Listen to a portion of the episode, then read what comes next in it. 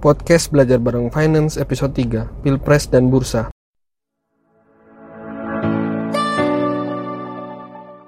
Pilpres dan Bursa Sering sekali, Pilpres dianggap memiliki andil besar terhadap indeks harga saham gabungan di bursa. Tidak hanya oleh investor, tapi bahkan menjadi headline berita-berita ekonomi dan bisnis. Akhirnya, kita jadi dibuat penasaran. Apa iya terpilihnya seorang presiden, baik untuk periode baru maupun periode keduanya, punya pengaruh sebegitu besarnya terhadap harga saham? Kita ambil contoh deh, Amerika Serikat. Terpilihnya Donald Trump sebagai presiden itu kontroversial bahkan pencalonannya sendiri itu udah kontroversial. Saya kira kita semua setuju lah soal itu. Tapi apa iya respon bursa di sana seburuk berita-beritanya soal Donald Trump? Nah, untuk teman-teman yang mungkin gak ingat, Pilpres di Amerika berlangsung di tanggal 8 November 2016. Kalau teman-teman lupa sih sebenarnya wajar aja, karena kan pertama udah udah lumayan lama, yang kedua negara orang juga. Nah, NYSE dan Nasdaq cukup lah ya kalau kita mau buat jadiin sampel. NYSE, New York Stock Exchange, adalah bursa efek terbesar pertama di dunia. Dan Nasdaq adalah yang terbesar kedua. Dan dua-duanya ini adalah bursa efek yang ada di Amerika Serikat. Nah, sebelum kita bahas soal angka-angka, mungkin teman-teman BBF bisa ambil dan ambil pulpen sama kertas. Karena kalau kalau mau nyatet, karena kita akan bahas banyak angka-angka nih. Oke? Udah pada siap ya? Nah, pada Hamin satu pemilihan, 7 November 2016, Nasdaq ditutup di 5166,17 dan pada hari H pemilihan yaitu pada tanggal 8 November itu Nasdaq dibuka memerah di 5154,99 turun sedikit 11,18 tapi kemudian sempat menguat ke 5214,17 yang meskipun pada akhirnya ditutup di 5193,49 meskipun tanggal 8 November hasil quick count udah keluar, tapi mari kita lihat juga soal ketika pengumuman resminya. Hamin satu pengumuman resmi yaitu 5 Januari, bursa ditutup di 5487,94 dan pada hari H pengumuman resmi di tanggal 6 Januari, bursa dibuka menguat di 5499,08 dan kemudian ditutup di 5521,06. Sebentar.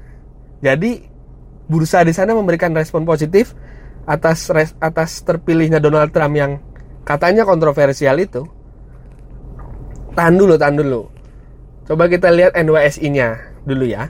Di 7 November, NYSI ditutup di 10.500,16 dan besoknya dibuka melemah di 10.462,84. Mirip-mirip nih dengan yang di Nasdaq tadi. Tapi bedanya pada hari H pemilihan, bursa agak loyo, tapi kemudian pada akhirnya menguat dan berhasil ditutup di 10.530,56. Pada saat pengumuman resminya gimana?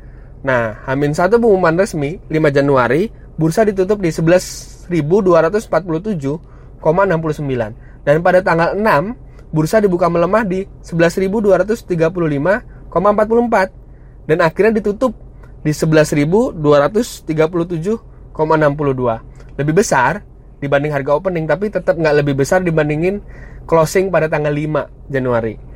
Terus kalau di Indonesia gimana? Nah tahun 2014 Pilpres dilaksanain di tanggal 9 Juli. Lihat deh data historikalnya kosong.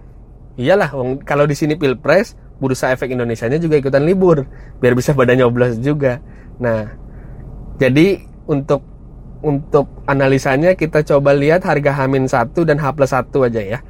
H 8 Juli IHSG ditutup di 5024,56 dan pada tanggal 10 Juli 2014 IHSG kembali dibuka positif di 5109,62 dan meskipun pada akhirnya mengalami penurunan dan ditutup di 5097,86 nah terus pengumuman resminya gimana? pengumuman resmi KPU pada waktu itu di tanggal 22 Juli Polanya mirip, Hamin 1 tanggal 21 Juli IHSG ditutup di 5126,97 dan esoknya dibuka positif di 5141,97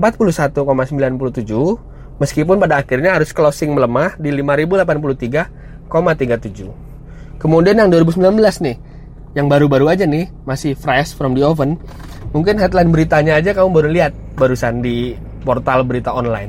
Pada Hamin 1 Pilpres, 16 April IHSG ditutup di 6481,54 dan pada H plus 1 di 18 April IHSG dibuka positif di 6568,85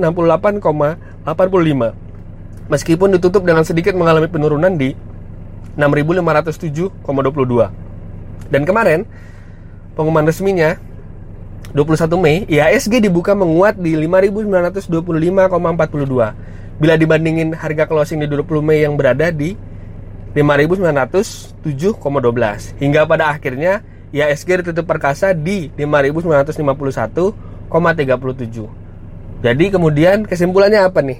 Nah, memang momen berlangsungnya pemilihan dan pengumuman presiden terpilih kalau kita lihat dari data Nasdaq, NYSE, dan IHSG yang tadi udah disebutin seperti punya andil terhadap bursa, terhadap harga opening dan closingnya, meskipun untuk berapa besar pengaruhnya masih diperlukan riset yang mendalam.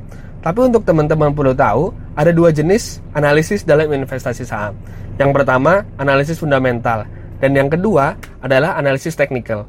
Kejadian-kejadian momentum seperti pemilihan presiden masuk yang kedua, analisis teknikal. Jadi, analisis teknikal tidak serta-merta hanya melihat chart saja, apakah sedang bearish atau sedang bullish. Nah, analisis teknikal itu mengasumsikan bahwa setiap harga yang terbentuk di pasar merupakan interpretasi dari segala informasi yang ada. Dan pilpres itu sendiri hanya merupakan salah satu informasi yang ada. Sehingga harga di bursa sesungguhnya tidak hanya ditentukan oleh pilpres, tapi juga oleh informasi-informasi lainnya. Corporate action misalnya, atau bahkan trade war antara Amerika dan Cina itu juga yang pada akhirnya kemudian menjawab kenapa harga opening setelah diumumkan hasil pemilihan yang positif menguat namun ternyata pada perjalanannya harga closingnya justru melemah pada hari yang sama karena pilpres memang bukan satu-satunya informasi yang menentukan harga saham itu sendiri. Nah, sebagai penutup belajar bareng finance kali ini, pesan yang bisa kita ambil sebagai investor atau calon investor kita dituntut harus mampu melihat setiap informasi yang ada secara jernih tanpa unsur like or dislike. Atau istilahnya jangan baper lah.